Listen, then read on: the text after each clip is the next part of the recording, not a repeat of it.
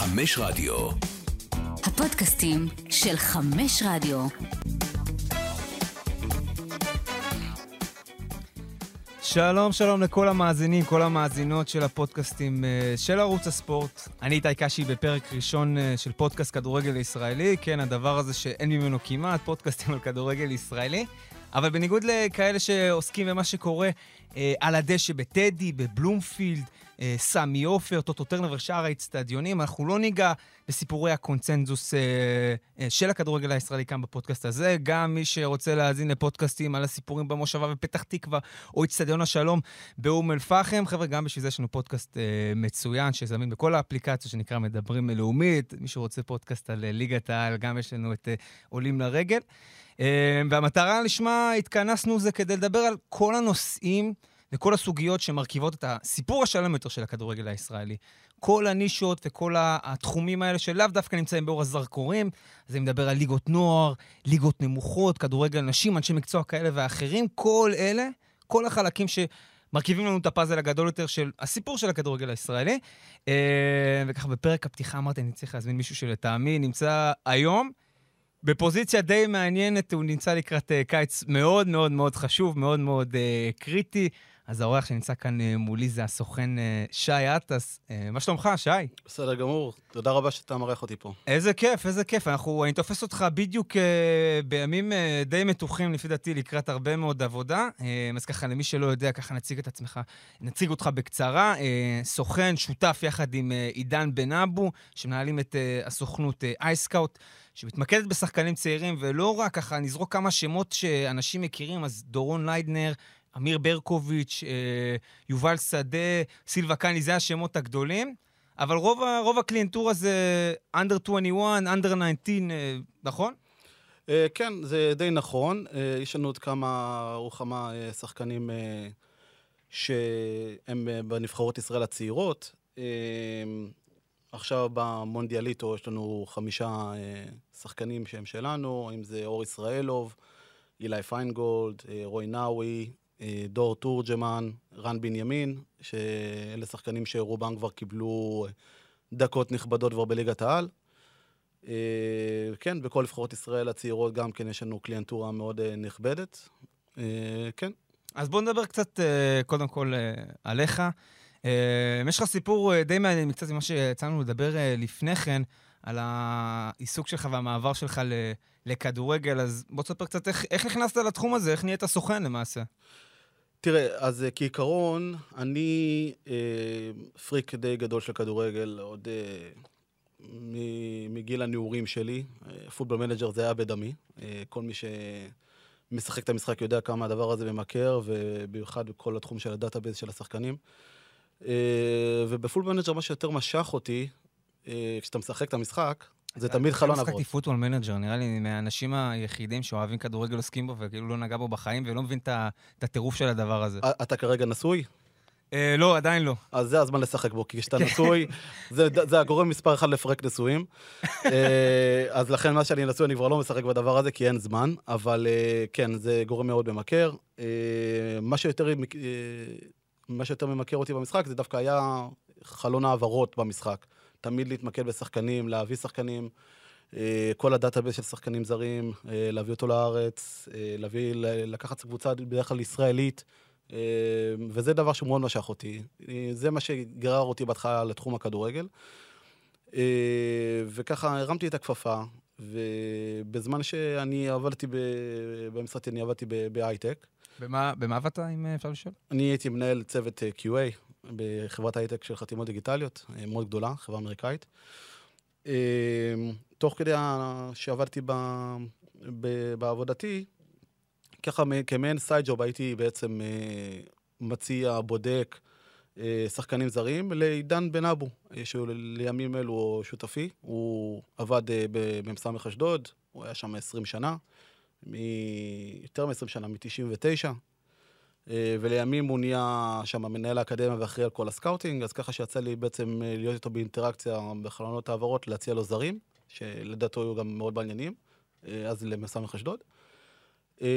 ל fun שלך, כאילו... ל fun שלי, לא כדי להיות סוכן או לא כזה, כי פשוט אני מאוד... אה, כל התחום של למצוא זרים או למצוא שחקנים מעניינים שהם יצליחו גם פה בארץ, זה דבר שהוא מאוד משך אותי. ואיך ממשהו שהוא תחביב, אתה אומר, אה, נראה לי זה יכול להיות אה, גם אה, קריירה, העיסוק שלי ביום-יום, כאילו, מתי אה, קורה ה... אז, אז מה שקרה? אתה יודע, כמו בכל אה, סיפור אה, של, אתה יודע, אולי זה קורה בסרטים, אבל אה, אה, בעצם עידן בעצם, גם הוא הרים את הכפפה, והוא החליט שאחרי 20 שנה הוא עוזב את המועדון, והוא פותח סוכנות. אה, הוא התמחה באמת בכל הניהול של אה, שחקנים אה, טאלנטים צעירים במ"ס אשדוד, כל הפס ייצור שבעצם יצא במ"ס אשדוד לאירופה. תן לנו, אה, יש לנו, יש לך כמה שמות שאנחנו... ניר ביטון, אור אינברום, אה, גדי קינדה, כל השחקנים האלה שבהם יצאו, אה, יצאו לאירופה דרך מ"ס אשדוד. אה, בזמנו הם בעצם עברו תחת הידיים של עידן, ובעצם הוא החליט אה, אחרי 20 שנה במועדון שהוא רוצה לפתוח אה, סוכנות, ולעשות את הדבר שהוא עשה הכי טוב במ"ס אשדוד, אלא ברמה ארצית. וכשאתה עושה דבר כזה, כשאתה פותח סוכנות, יש לך בעצם שני אופקים. או אה, ללכת על ה, מה שנקרא, על הכסף כאן ועכשיו, שזה אה, בעצם אה, לפנות לשחקנים בוגרים, שלרובם, בוא נגיד את האמת, היה להם כבר סוכן, אז לכן אתה צריך להתפשר על איכות. או בעצם לעשות את מה שהוא עושה הכי טוב, שזה תחום הצעירים, אבל לקחת את הטובים ביותר וברמה ארצית. אז אני רוצה להתמקד איתך בנישה הזאת של אה, סוכנים לצ... לשחקנים צעירים, זה משהו שאתה יודע, אנחנו, למי שאתה יודע, לא חי את הכדורגל ביום-יום, לא נמצא על הדשא ב... אה, בליגות נוער, לא כל כך מבין את העניין הזה שהיום למעשה שחקנים מגיל 15-16 כבר עם אה, סוכן, זה כבר דבר שהוא די מקובל. תראה, כשאנחנו התחלנו אה, לעבוד, אני הצטרפתי לעידן כחצי שנה אחרי שהוא פתח את הסוכנות. כשאנחנו... לפני אה, כמה... לפ... לפני חמש שנים. לפני חמש שנים. כשפתחנו את הסוכנות, אה, הנישה הזאת לא הייתה אה, חזקה. אה, הסוכנים האחרים הם היו אה, מצרפים שחקנים צעירים, אבל אה, הם לא היו עושים, בוא נגיד, אה, הרבה scouting אקטיבי. לא היית רואה אותם במגרשים אה, של ה... כי מסיבה מאוד ברורה, כי אין, אין כסף בשחקנים צעירים. אתה גם, גם הסיכוי ששחקן צעיר הוא יהיה שחקן מקצועני הוא מאוד נמוך. הרי אם לוקחים סטטיסטיקה, 2% אה, בלבד משחקני אה, נוער, אוקיי, שגדלו באקדמיה, הם נהיים שחקנים בוגרים בשתי הליגות המקצועניות. הסטטיסטיקה הזאת היא מאוד נמוכה, ולכן אה, מה שנקרא, אה, אין שם, אה, אין שם כסף, זה יותר ראיית ארוכת טווח, ולכן לא היה את הדבר הזה. ברגע שנכנסנו, אנחנו בעצם התחלנו, אז בזמנו לפני חמש, חמש שנים, זה היה, כשבני 15 זה היה בעיקר שנתון 2002 ו-2003, בעצם שם התחלנו את ה... שחקנים שנולדו ב-2002-2003. 2003, רק למי שגם אה, אולי לא מחובר, 2003 זה, זה השנתון שמרכיב אחוז מאוד מאוד נכבד מנבחרת הנוער הנוכחית כבר. בדיוק.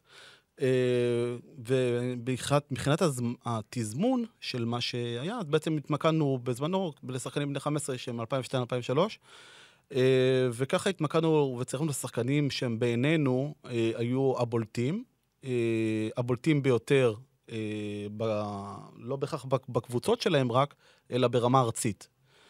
אה, זה לא אומר בהכרח שחקנים שהם היו בזמנו בנבחרת ישראל, אלא שחקנים שבעינינו המקצועית, אנחנו ראינו להם עתיד כשחקנים מקצוענים. אז בוא, בוא ננסה רגע להבין את הדבר הזה. אה, אמרת, רק 2% מ- מהשחקנים, משחקני נוער, נהיים באמת אה, בוגרים. למה למעשה שחקן נוער צריך סוכן בגיל 15 כשהוא עדיין לא מובטחת לו קריירת בוגרים? מה, מה, מה צריך לנהל פה עדיין? אני אתן לך דוגמה. אה, בוא ננסה, נלך על שחקן שלנו, שאתה בוודאי מכיר, אושר אליהו. אושר אליהו, החלוץ של אה, מכבי נתניה, סיים אה, מצטיין העונה בליגת העל לנוער.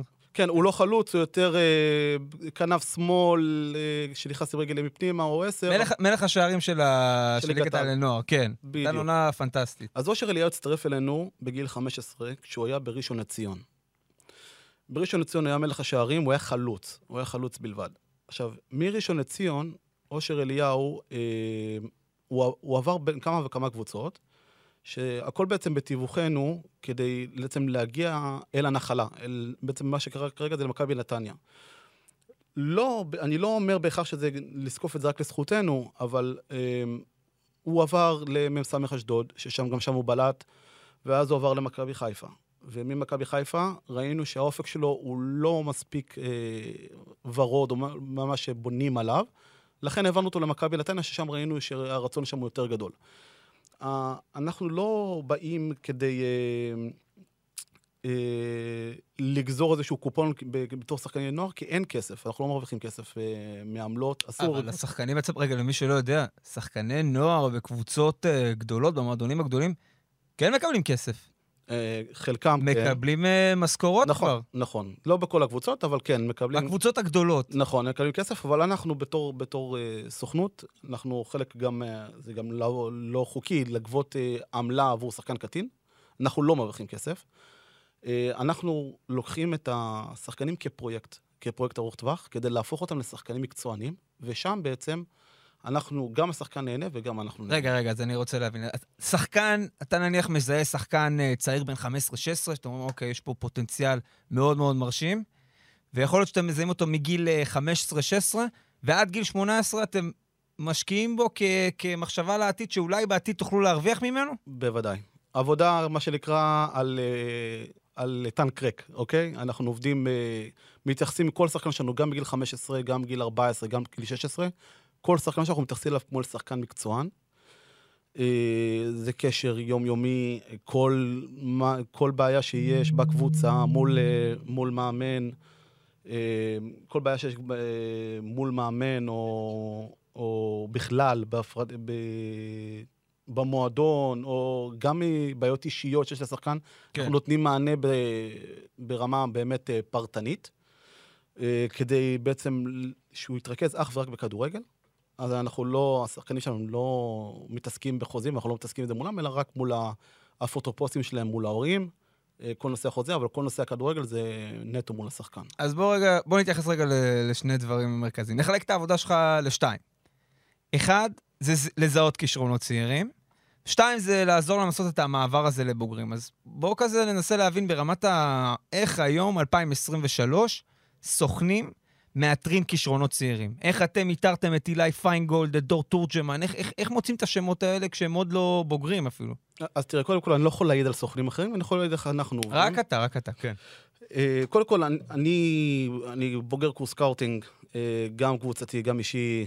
אה, אני הייתי המצטיין בקורס שלי בספורט פאנל, יש לי גם אקרדיטציה של, של scout בינלאומי, ממוסד בינלאומי בחו"ל שמוכר על ידי אופ"א. אה, אז ככה שיש לי את האקרדיטציה לדבר הזה, אבל יש לי גם ניסיון, אה, וגם אה, ההכוונה של עידן, של 20 שנה ניסיון שהוא ראה שחקנים. שחקנים שיש גם שחקנים שהם בגיל 13-14 הם מאוד בולטים, או נראים שהם מאוד מכוונים, אבל יכול, יכול להיות שהעתיד שלהם הוא לא ורוד, כמו שרואים בגיל 13-14, ויש שחקנים שהם late bloomers, שהם בגיל 14-15 לא חשבו עליהם כשחקני פוטנציאל, והם כן בסופו של דבר כן התפתחו. אבל אתם, את, אתם, אתם הולכים למגרשים, אתם מקבלים הודעות מאנשים, כאילו איך זה עובד בדה פקטו? אז אה, קודם כל, תמיד מקבלים הודעות מאנשים, אבל אנחנו יותר אוהבים לעשות scouting אקטיבי. אנחנו נמצאים במגרשים, אני אישית נמצא כל שבת בבוקר שלושה, ארבעה משחקים ברצף. ברחבי הארץ, כאילו? כן, ברחבי הארץ. אה, רואה משחק אחרי משחק, אני יש לי לוז, רואה מש- בשנתונים שונים, קבוצות שונות. אני מנסה להתאים שבעצם משחק, יהיה משחק אחרי משחק אחרי משחק, בעצם גם מבחינה גיאוגרפית. אה, ובעצם אני רואה את המשחק, ואני מי ש... אה, אני מתמקד בכל מיני אה, אספקטים של שחקן מבחינה אינדיבידואלית. לא אכפת לי אם לשחקן היה משחק טוב או לא. לכל שחקן יכול להיות משחק טוב או לא, אני מסתכל על תכונות של שחקן. אני מסתכל על נגיעה ראשונה בכדור, יציאה מהמקום, השתל... השתלטות בכל חלקי הגוף, אה, אה, ריצה ל-130 מטר, ריצה על עד 10 מטר, אה, עוצמת בעיטה בכדור, אינטליגנציית משחק, קריאת משחק, דברים שהם תכונות אישיות בלבד. כי את התכונות האישיות, הם יימשכו איתו ל... ל... ל... לאורך כל הקריירה. אה, יש דברים שניתן לשפר ויש דברים שלא ניתן לשפר, אבל אה, גם האספקט הפיזי הוא משחק פה אה, תפקיד. לא בהכרח שחקן שהוא נמוך בגיל 14, הוא יישאר נמוך גם בגיל 18. ולהפך, אנחנו יודעים לזהות גם גדילה של שחקנים, לפי המבנה גוף שלהם, לפני התווי פנים. מה זאת אומרת, לפי... אתה רואה תווי פנים ואתה אומר, אוקיי, הילד הזה עכשיו אה, נמוך, אבל עוד כמה שנים אנחנו... מה זאת אומרת? בדיוק, אז uh, אתה יכול לראות לפי... זה מוכח? אני פשוט, אני לא- אולי אני בור, אני לא מכיר את ה... אז לא אה. תראה, אם אתה רואה ילד. אם אתה רואה ילד, לדוגמה, שהוא אה, הוא לא גבוה לגילו, אוקיי? ואתה רואה שהוא בגיל 13-14, אתה רואה נגיד שהוא מפותח מאוד פיזי, יש לו זקן, אז אתה רואה שמבחינת ההתפתחות ההתבגרותית שלו, הוא, הוא, הוא לא יגבה עוד הרבה, הוא לא יגדל עוד הרבה. זה, זה דבר פיזיולוגי. אה, אותו דבר לגבי מבנה גוף, מבנה גוף שהוא יותר רחב, שחקן שהוא יותר רחב, אה, הוא לא, הוא לא הולך לגבוה, אבל שחקן שהוא יותר צנום במבנה גוף, אז יש לו פוטנציאל יותר גבוה. כמובן שגם ההורים, אה, כשאתה נפגש עם ההורים, אתה יודע מה הגובה, וגם יש היום בדיקות שבודקות את הדבר הזה, לפי מפרק כף יד, בודקים את גיל העצמות, ואתה יכול לדעת בערך מה הגיל שלו ומה הצפי גובה שלו. אה, פלוס מינוס שני סנטימטר. אז היום אנחנו, כשמאתרים שחקנים צעירים, זה יכול להגיע עד לרמת עצמות לחיים ו... מפרק כף יד, כן. מפרק כף, כאילו זה מגיע לרזולוציות האלה, זה פסיכי לגמרי. אנחנו מגיעים לרזולוציות האלו, כן. בוא, בוא נדבר רגע נניח על אה, כישרון משחקנים אה, שיש לכם, מהשמות שאנחנו מכירים. אם יש איזה שחקן אחד שאתה יכול להגיד עליו שאיתרתם אותו בגיל צעיר, ומה ראית בו בגיל צעיר שאמרת, אוקיי, זה פוטנציאל הבחור הזה. אמ, בוא, אתה יודע מה, בוא נעשה משהו שאולי קצת יקל על המאזינים שלנו. בוא נגיד שחקנים מהמונדיאליטו, אוקיי? בבקשה, בוא נלך על זה. אוקיי, אז בוא נגיד אור ישראלוב. שחקן פנטסטי. יופי, אז אור ישראלוב, אנחנו צירפנו אותו כשהוא היה בן 14 וחצי בערך. אה, הוא היה בהפועל תל אביב, הוא לא זז מהמועדון. אה, הוא הגיע אליהם בגיל 12 ממכבי שוהם, שזה מועדון אה, נורא קטן. אה, הוא, הוא, הוא הלך לפועל תל אביב, גם מכבי תל אביב בזמנו רצו אותו, וזה לפני שהוא בכלל הכיר אותנו, הוא בחר בהפועל תל אביב, הוא התחיל שם. אה, ראינו את אה, אור ישראלוב עם השעתון שלו 2004 בהפועל תל אביב. מה שמאוד בלט, קודם כל זה בלם רגל שמאל. זה דבר... זה כאילו... מצרך מאוד מבוקש. נכס זהב, כאילו. נשים את כל הז'יטונים עליו. העמדות הכי מבוקשות בעולם זה מגן שמאלי, בלם רגל שמאל וחלוץ. אין בלמים רגל שמאל, אתה יודע, אני שומע את זה כל הזמן, בלם רגל שמאל זה כאילו יותר מ... מ לא יודע, זהב, כאילו בכדורגל. אם, אם אני אגיד לך עכשיו, תעצום עיניים, אוקיי? ותחשוב על עשר, עשרת הבלמים הכי טובים כיום בעולם. תחשוב אם אתה מוצא אחד שהוא שמאלי. אני צריך לחשוב על זה רגע, אני צריך לחשוב על זה. אני אגיד לך, המשימה היא מאוד קשה. אז זיהיתם, אמרת, ראיתם אור ישראלוב, כבר זה שהוא בלם עם רגל שמאל, זה כבר צריך... לא, אבל זה לא רק זה, כן, זה לא מספיק להיות... גם המפרק כף יד. לא, לא, זה לא היה צריך מפרק כף יד, כי אור כבר היה גבוה, אה, גבר לגילו. בזמנו הוא היה מטר 78, אה, מטר 79, אז הצפי גובה שלו היה שהוא יעבור את המטר 85, היום הוא על מטר 86, 87. אה, אבל חוץ מזה שהוא בלם רגל שמאל, מה שמאוד בלט בו אה, קודם כל, אה, שהוא בלם מהיר, אוקיי? הוא לא הכי מהיר בעולם, כן, אבל הוא בלם מהיר, יש לו מהירות מאוד טובה, אבל הוא בלם מאוד שקט עם הכדור, אוקיי? אה, מאוד שקט עם הכדור, בלם טכני, וזה דבר שהוא מאוד עוזר בבילדאפ. גם לכיסוי, בכיסוי שטחים מאחורה, המהירות שלו באה לידי ביטוי. הניטור שלו הוא טוב, לעליות לכדור גובה, המיקום שלו נכון, שחקן אינטליגנט. ולכן החלטנו לצרף אותו, אבל גם לגבי אור, אה, הרבה לא יודעים את זה, אבל היה לו איזשהו אה, משבר. הוא היה מעל, קרוב לשנה או מעל שנה בחוץ, אה, עקב פציעה. מתי זה שהוא... בגיל, בין נערים ב' לנערים א', mm-hmm. אה, ממש עד אה, סוף נערים א', הוא היה אה, אה, שנה בחוץ, ולא ידעו איך לחזור, אבל כמובן שאנחנו לא... אה, לא חשבנו אפילו על לנטוש אותו, משהו כזה, היינו איתו גם במה שנקרא ב-eyes וגם ב-lows, שבמקרה הזה זה היה low, אז אה, גם במקרה הזה היינו, היינו איתו, אה, תמכנו בו במה שצריך, בכל הנושא של הפציעה שלו, ואם צריך גם בכל הנושא של הטיפול. והוא חזר באמת, לזכותו ייאמר שהוא חזר בצורה נהדרת מהפציעה גם. ובאמת, הוא התפתח להיות בלם נהדר. הרבה לא יודעים את זה, אבל הוא השחקן הכי צעיר בליגה העונה שפתח בהרכב. כן. או שיחק באופן, בוא נגיד, באופן מהותי מבחינת דקות משחק, אז הוא השחקן הכי צעיר, הוא סוף שנתון 2004. הוא יליד ספטמבר 2004. אז, אז נניח מבחינת, אה, אתה יודע, כל הקריטריונים הנכונים לשחקן כדורגל שצריך, לדוגמה, במקרה של אה, אור ישראלוב זה אה, בלם עם רגל שמאל, לא יודע, מפרק כף יד שבנוי בצורה נהדרת. אנחנו לא, משתמע שאנחנו שולחים כל שחקן לברכת מפרק כף יד, לא, אנחנו לא, לא, לא עושים את זה. זה סתם, זו נקודה מעניינת, זה אשכרה, אנחנו לא יודעים שזה, לא, זה, זה מטורף שזה מגיע לרזולוציה הזאת, אבל...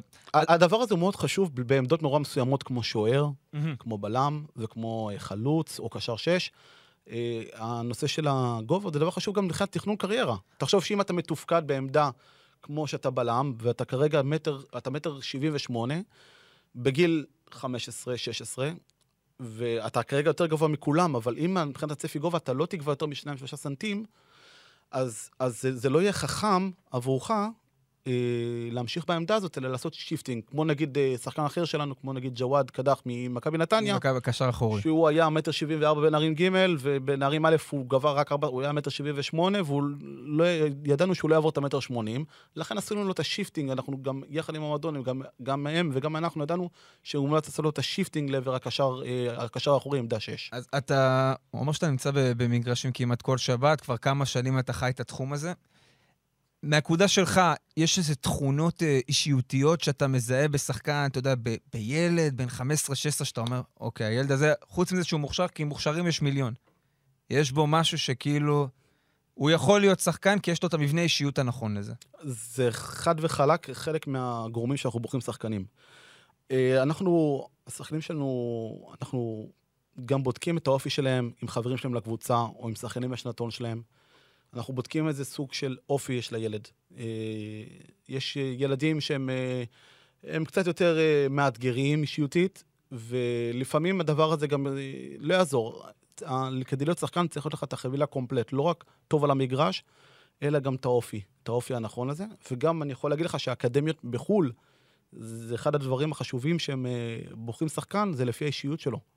לראות שבאמת השחקן, חוץ מזה שיש לו אישיות טובה, אלא גם שהוא ארד וורקר, שהוא תמיד שואף להשתפר, שהוא מקבל את הטיפים שזה, כי אתה יודע, מאמן יכול, או איש מקצוע יכול להגיד לך לעשות ככה וככה, אבל אם המבנה האישיותי שלך מסרב לקבל את זה, או מסרב להטמיע את זה, אתה לא תוכל להשתפר.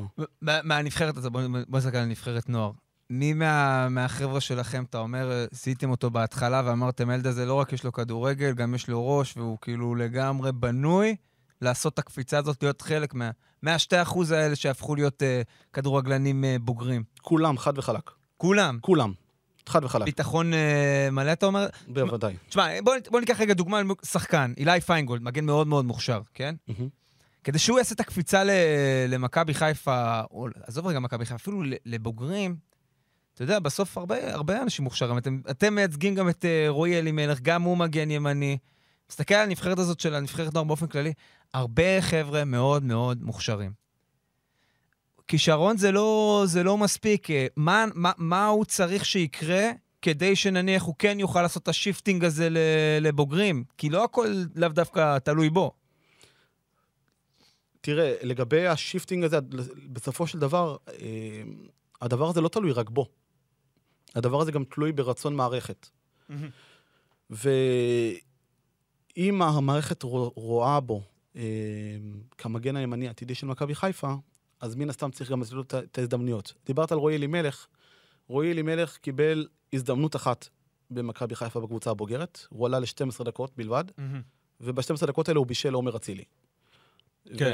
אם אתה זוכר, ואחרי הבישול, גם בסוף המשחק השחקנים הרימו אותו וכל הקהל הריע לו, אבל בסופו של דבר העונה נגמרה והוא נשלח לשלב בהפועל עפולה. לא שאני אומר שהדבר הזה רע, כן? כי הוא התפתח, והשנה הוא הבקיע שבעה שערים וארבעה בישולים, ולפי דעתי, מכל הליגות ב... מחוץ לטופ חמש באירופה, אני חושב שהוא המגן הימני עם המספרים הכי גבוהים. רועי אלימלך? כן, שבעה שערים וארבעה בישולים. אה, צריך לבדוק את הדבר הזה, זה מעניין. אני כבר בדקתי. אה, אתה מוזמן לפתוח אינסטאט ולראות. אני חד משמעית לבדוק את זה. אה, אז כן, יש לו מספרים באמת נהדרים. אה, הוא השתלב שם טוב במערך של השלושה בלמים, בתור מגן כנף.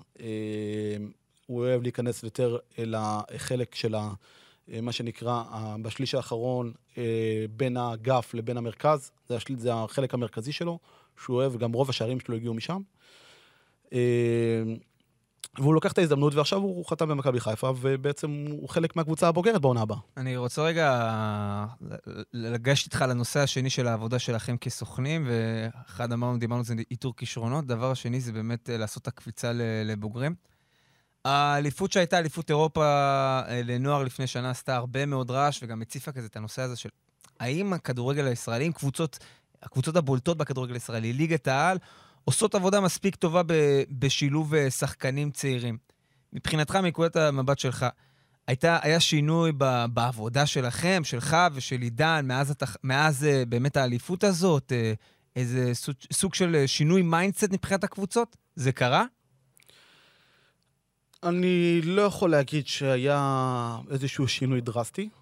אמ, ואני חושב שזה, שזה חבל. אני חושב שזה חבל, כי אני רואה ליגות אחרות, כמו הליגה הסרבית והליגה האוסטרית, ששם, כששחקן משחק, הוא פותח בהרכב, כשהוא שנתון 2004 או 2003, זה לא דבר חריג. זה, זה דבר שהוא טריוויאלי, וגם בקבוצות גדולות.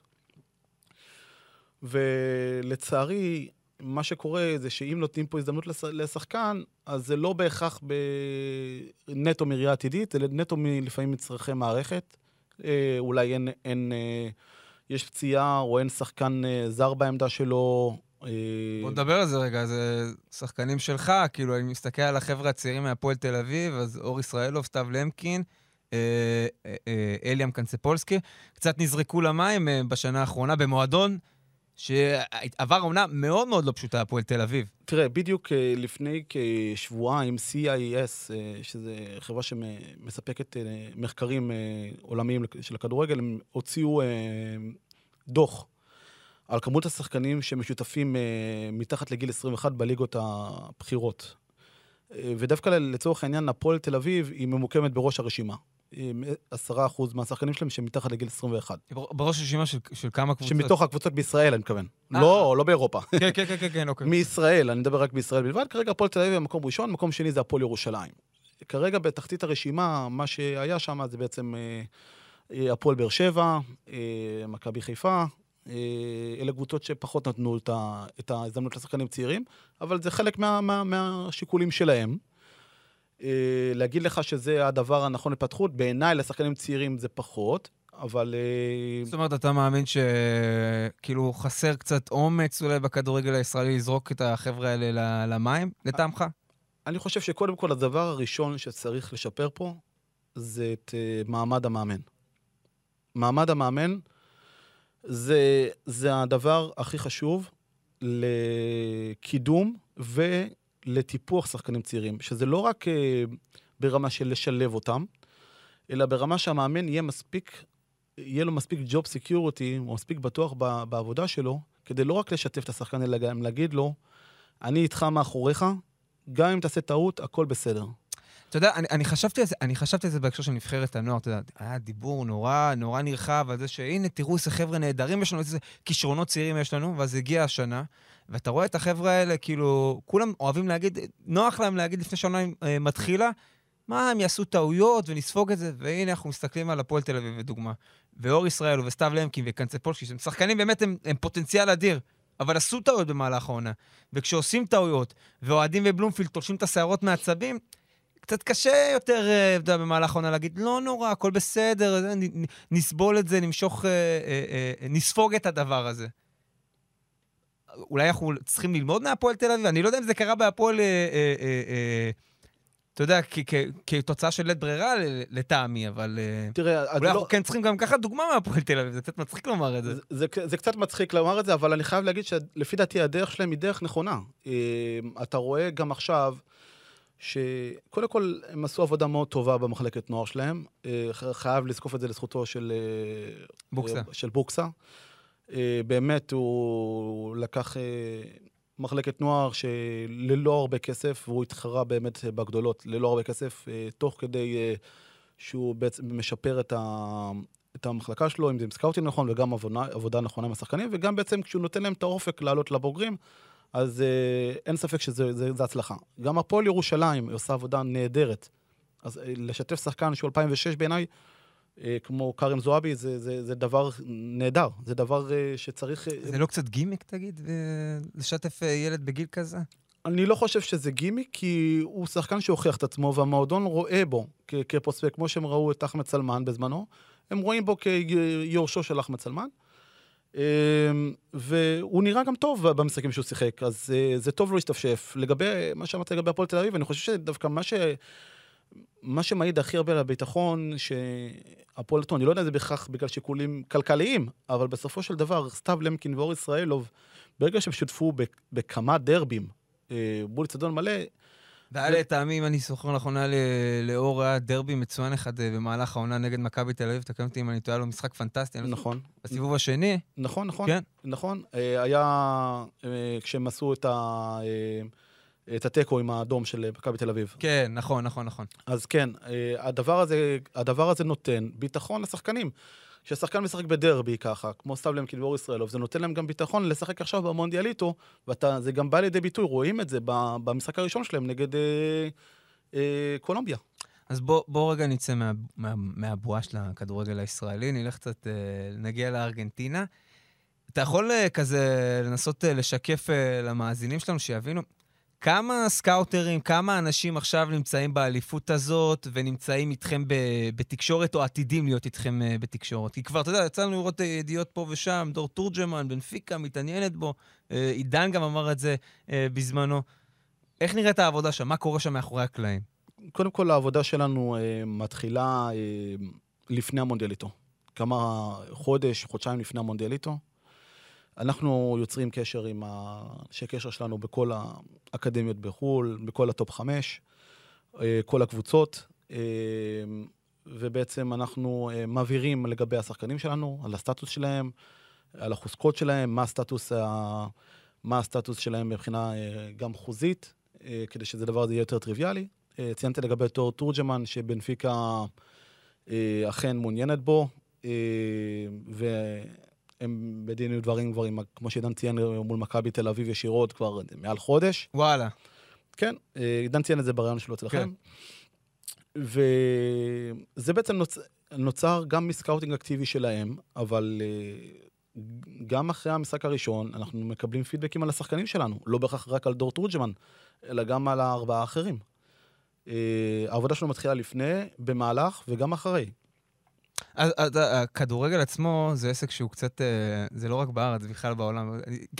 ייקח אותך למונדיאליטו של, ה, של הגדולים, המונדיאל עצמו, בוא ניקח דוגמה, שחקן כמו אנסו פרננדס, נתן כמה משחקים טובים, נתן, היה לו טורניר באמת טוב, והערך שלו הרקיע שחקים בצורה אה, לא פרופורציונלית, אפילו אפשר להגיד.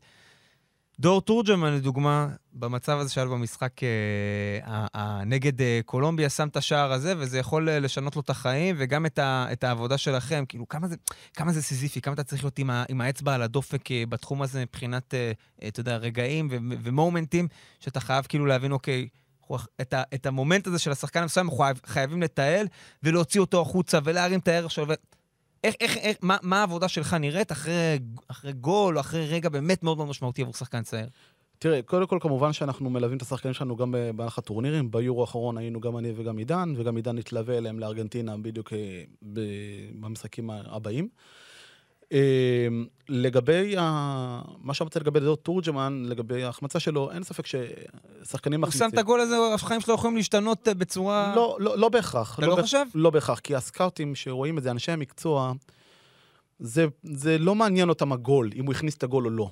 מסתכלים על התכונות שלו. מסתכלים על איך הוא משחק עם הגב לשער, משחקים איך הוא עושה link-up אל הקשרים שמצטרפים, איך הוא מוריד את הכדור עם הראש, הניתור שלו, הטכניקה שלו, הנגיעה הראשונה שלו בכדור, שימוש בשתי רגליים. אה, כל הדברים האלו, אה, על זה מסתכלים. וכחלוץ, דור תורג'מן יש יש לו את ה total package בנושא הזה, ולא סתם בנפיקה אה, מגלים בו עניין רב, כי הוא באמת, יש מבחינת תכונות, יש לו את החבילה. אה, אין ספק שאם הוא היה מפקיע את הגול, כמובן שזה היה הרבה יותר נחמד, זה גם משפר את הסטטיסטיקה, כן? אבל אה, זה, זה פחות מעניין את הסקאוטים לגבי ה... אם הגול הזה נכנס או לא, כי למצב הוא הגיע. זה שזה לא נכנס, זה גם, זה גם חוסר מזל, גם חוסר ריכוז, אבל זה, כן. זה גם ההבדל, נראה לי, בין אה, קשקשנים, אתה יודע, אנחנו פה בתקשורת שעסוקים בלייצר הייפ ולבנות סיפור, לבין אנשים שאתה אומר בפועל, דה פקטו, הם ידעו מזה תור תורג'מן הרבה לפני uh, הגול הזה, ובין אם הוא היה כובש ובין אם הוא לא היה כובש. אה, טוב, אנחנו כזה אה, מגיעים אה, לקראת סיום. אני, אתה יודע, הרבה הורים מאזינים לנו, רוצים לדעת למה הם צריכים סוכן, למה הם צריכים סוכן עבור הבן שלהם אם הוא באמת כישרוני. אני אשאל אותך, מה לטעמך הופך סוכן כדורגל, במיוחד לגילאי נוער, לסוכן טוב? מה התכונות שצריכות להיות לו? סוכן נוער טוב, הוא צריך להיות חבילה מושלמת. גם איש מקצוע עם ניסיון, שעשה את זה בעבר ופיתח שחקנים צעירים, גם סוכן מוסמך שיודע את כל הדינים של, אה, של חוזים אה, עבור השחקן עצמו, גם פסיכולוג להיות אוזן קשבת, אה, וגם איש מקצוע כדי לזהות מה אפשר לתרום ומה הוא צריך לשפר ומה לא, כדי שהשחקן עצמו יתפתח באופן אישי. גם אני, כשאני מגיע לראות את השחקנים שלי, אני לא רק להראות נוכחות או לזהות שחקנים חדשים. אני רואה את השחקנים שלי גם. בשלושה ארבעה משחקים שאני רואה בשב, בשבת בבוקר, אני לא הולך רק לראות שחקנים חדשים, להפך, רוב המשימה שלי היא לראות את השחקנים, את הקליינטים הנוכחים שלנו. כן. לראות איך הם משחקים, ובסוף המשחק אני גם אומר להם, נותן להם, אה, נותן להם אה, טיפים, מה הוא צריך לעשות, מה בדקה הזאת, מה הוא עשה ככה ומה הוא עשה ככה, מה הוא צריך לשפר. זה ברמה של נוער, אבל גם מול שחקני בוגרים... אבל זה קטע גם בן אדם, כי אתה גם אה, איש מקצוע, אה, כדורגל אה, נטו, סוכן, ממה שאנחנו מכירים, זה צריך להיות איש מסקים ממולח, לא? אז בגלל זה אני אומר שהסוכן, שאלת על הסוכן המושלם. כן. הסוכן המושלם הוא לא רק סוכן, אלא גם הוא איש מקצוע.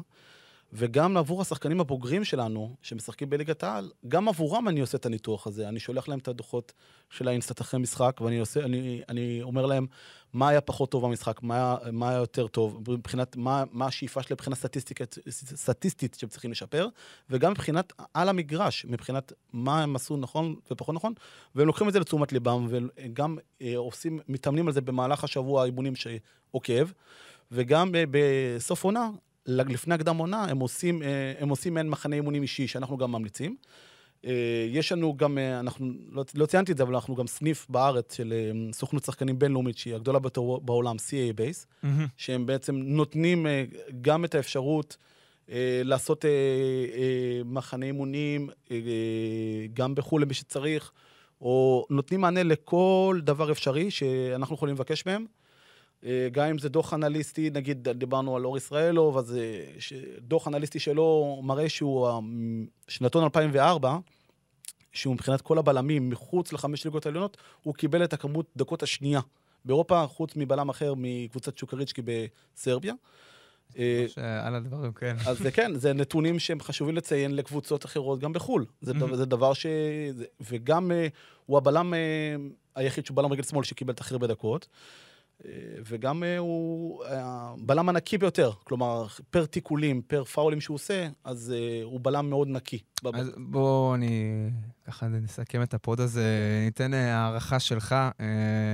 בתקווה והנבחרת תעשה קמפיין מוצלח ואפילו תעלה שלב. הערכה שלך, כמה עבודה תהיה לכם בקיץ, והאם יש סיכוי שנראה אולי גם כמה מהחבר'ה הצעירים האלה יוצאים ליעדים באירופה? אז קודם כל בוא נתחיל באיזושהי הערכה למונדיאליטו, אוקיי? המשחק הראשון הסתיים ב... לצערי אה, בהפסד, על אף היכולת הטובה מאוד ב-60 דקות הראשונות בעיקר. אה, אני חושב שהאתגר העיקרי יהיה במשחק הקרוב נגד סנגל. אה,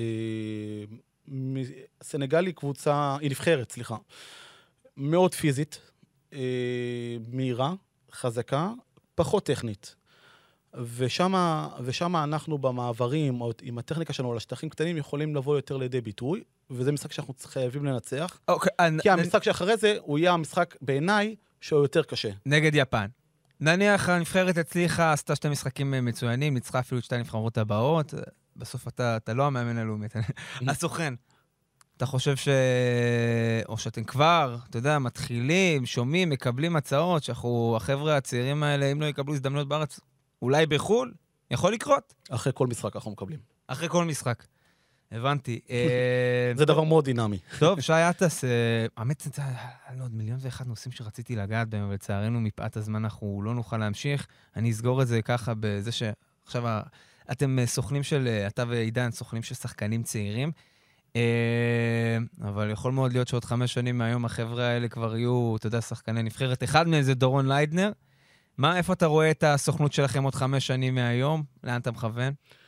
תראה, אני לא אומר כמוך שיכול להיות, אני מאמין אה, בוודאות די גדולה שהרבה יהיו חלק מנבחרות ישראל, אה, אם זה הצעירה וגם אה, הבוגרת. כבר בצעירה יש לנו שלושה שחקנים. Mm-hmm. אה, בבוגרת ציינת את דורון ליינר. אה, אני צופה עתיד מאוד ורוד לשחקנים. אני חושב שהשנתון הזה, במיוחד במונדיאליטו, הוא שנתון מהחזקים שלנו בשנים האחרונות. ובעיקר לשנתון הזה אני צופה שכמה וכמה שחקנים בו, יהיה להם אה, עתיד אה, מאוד ורוד ויגיעו לנבחרת הבוגרת. אוקיי, בתקווה, בתקווה גדולה. אה, אז קודם כל, תודה רבה לך, שי, היה באמת מרתק. היינו יכולים לדבר עוד לשעה לפחות, כי העולם הזה באמת הוא, הוא לא נגמר ויש הרבה מה לדבר עליו. נודה לערד ירושלמי, המפיק שלנו, וחבר'ה, כל מי שרוצה להאזין לפודקאסטים של ערוץ הספורט, אנחנו זמינים בכל הפלטפורמות שיש לנו. תיכנסו גם לאפליקציה של... ספורט 5, של 5 רדיו. אה, ותמצאו שם עוד הרבה פודקאסטים נהדרים. שי, היית באמת פנטסטי, תודה רבה לך, ובהצלחה גדולה לנבחרת הנוער שלנו. בהצלחה. בהצלחה. תודה רבה, חברים, ביי ביי.